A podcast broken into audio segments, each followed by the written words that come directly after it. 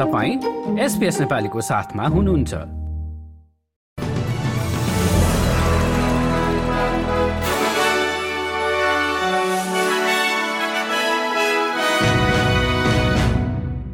नमस्कार श्रोतावृन्द एसपीएस नेपाली समाचारमा तपाईँलाई स्वागत छ। म हुँ दिनिता।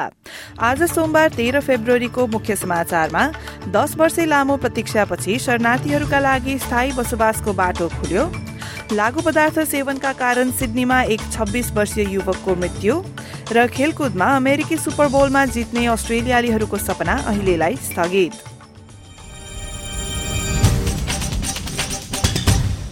अब समाचार विस्तारमा।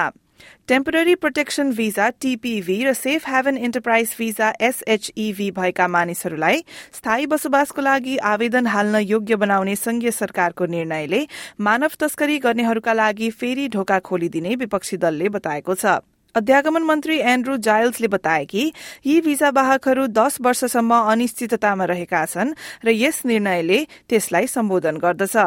यो व्यवस्था अपरेशन सोभरेन बोर्डर्स शुरू हुनुभन्दा अगाडि अस्ट्रेलिया आएका मानिसहरूका लागि मात्र लागू हुने बताइएको छ। अपरेशन सोभरेन बोर्डर्स मानव तस्करी रोक्नलाई शुरू गरिएको थियो। संघीय सरकारको भिजा सम्बन्धी यो घोषणाले अस्थायी भिजामा रहेका करिब उन्नाइस हजार मानिसहरूलाई असर गर्दछ तर यसले गलत सन्देश दिइरहेको विपक्षी गृह मामिला मन्त्री क्यारेन एन्ड्रुसले बताइन् They will be able to convince people that it is worth the risk. Now, as I've said, one a month, one a month since Labor's been in, in government. Uh, that's the number of boats that are being turned uh, turned back from Australia. What is Labor going to do when there's an armada heading this way? विपक्षी दलका नेता Peter डटनले सन् दुई हजार आठमा Kevin रडको राष्ट्रिय क्षमा याचना भाषण दिँदा आफू त्यहाँबाट निस्किएको कुराका लागि सोलन जेनेरेशनलाई प्रत्यक्ष माफी मागेका छन्। आज उक्त राष्ट्रिय क्षमा याचना भाषणको पन्ध्रौं वार्षिकोत्सव रहेको छ जसमा आदिवासी र टोरेस्ट्रेट आइल्याण्डर मानिसहरूमाथि संघीय सरकारहरूले गरेका अन्यायका लागि माफी मागिएको थियो। आफू त्यस भाषणबाट उठेर हिँडेको कुरालाई लिएर मन्त्री डटनले पहिला पनि माफी मागेका थिए र आज पनि उक्त कुराको बारेमा पश्चाताप व्यक्त गर्दै उनले भने I failed to grasp at the time the symbolic significance to the stolen generation of the apology. It was right for Prime Minister Rudd to make the apology in 2008. It's right that we recognise the anniversary today. It's right that the government continues its efforts, and in whatever way possible, we support that bipartisan effort. आफ्ना चार बालबालिकाको मृत्युका लागि दोषी ठहर भएकी Kathleen फोल्बिकको मामिलामा फेरि वैज्ञानिक प्रमाण र उनको पहिलो सजायको बेला प्रयोग गरिएको डायरीलाई लिएर अनुसन्धान पुनः शुरू हुने भएको छ। ती बच्चाहरू उन्नाइस दिन र अठार महिनाको उमेर बीचका थिए र एक दशकको अवधिभित्र फरक फरक समयमा भएको उनीहरूको मृत्युका लागि फोल्बिग सन् दुई हजार तीनमा दोषी ठहर भएकी थिइन्। फोल्बिग र उनका दुई मृत छोरीहरूमा भेटिएको नयाँ वैज्ञानिक प्रमाणका आधारमा फेरि अनुसन्धान गरिन वैज्ञानिकहरूले माग गरेपछि न्यू साउथ वेल्सकी गवर्नर मार्गरेट बिजलीले गत वर्ष मे महिनामा एक नयाँ अनुसन्धानको आदेश दिएकी थिइन्। पहिलो सुनवाई गत वर्ष नोभेम्बरमा भएको थियो र सन् दुई हजार तेइसको फेब्रुअरी महिनासम्म स्थगित गरिएको थियो। सिडनीको अर्को प्रसंगमा ट्रान्समिशन म्युजिक फेस्टिभलमा भाग लिएका एक छब्बीस वर्षीय युवकको लागू पदार्थको अधिक मात्रामा सेवनका कारण मृत्यु भएको छ। उक्त कार्यक्रममा अठार हजार भन्दा बढ़ी मानिसहरूको उपस्थिति थियो।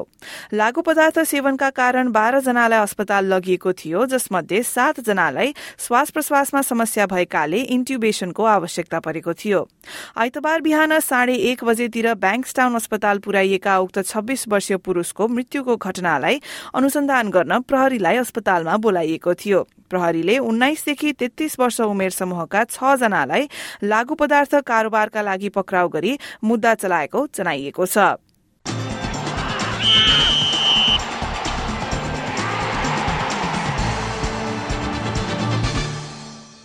अब आजको खेलकुद समाचारमा अमेरिकामा आज भएको सुपर बोल प्रतियोगितामा अस्ट्रेलियाली खेलाड़ी जोर्डन माइलाटा र एरन साइपसको टोली फिलाडेल्फिया इगल्स क्यान्सस सिटीसँग अडतिस पैंतिसको अंकले हारेको छ। लेफ्ट ट्याकलको रूपमा खेल्ने माइलाटा र पन्टर रहेका साइपस एनएफएलमा देखा पर्ने तेस्रो र चौथो अस्ट्रेलियालीहरू थिए।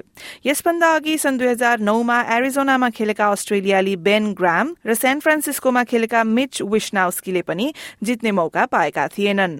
यस वर्ष अस्ट्रेलियालीहरूको अमेरिकी राष्ट्रिय फुटबल लीग एनएफएलमा रहेको सहभागिताले त्यसमा भाग लिने पहिलो अस्ट्रेलियाली कलिन रिजवेको इतिहासलाई छल्काएको छ।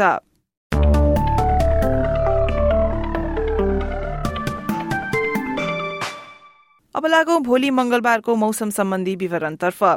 भोलि पर्थमा अधिकांश समय घाम लाग्दै अधिकतम तापक्रम सत्ताइस डिग्री एडिलेडमा घाम लाग्दै अठाइस डिग्री मेलबर्न र होबार्टमा आंशिक बदलीका साथ तेइस डिग्री क्यानबेरामा पनि बादल लाग्दै तापक्रम तेइस डिग्री वलङ्गङमा पानी पर्दै बाइस डिग्री सिडनी र न्यूकासलमा पानी पर्दै तापक्रम दुवै ठाउँमा अधिकतम पच्चीस डिग्री ब्रिस्बेनमा पानी पर्दै आँधी बेरी आउने सम्भावनाका साथ उन्तिस डिग्री केन्समा आंशिक बदलीका साथ एकतीस डिग्री र डार्विनमा पनि आंशिक बदलीका साथ अधिकतम तापक्रम भने बत्तीस डिग्रीसम्म पुग्नेछ। हस्त श्रोता वृन्देशका साथ आजको एसबीएस नेपाली समाचार यति नै। स्वस्थ रहनुहोला सुरक्षित रहनुहोला। नमस्कार।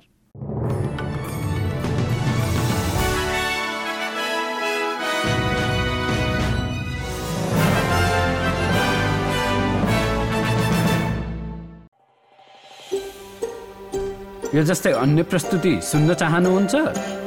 एप्पल पोडकास्ट गुगल पोडकास्ट स्पोटिफाईमा हामीलाई खोज्नुहोस् वा तपाईँले पोडकास्ट सुन्ने अन्य सेवामा।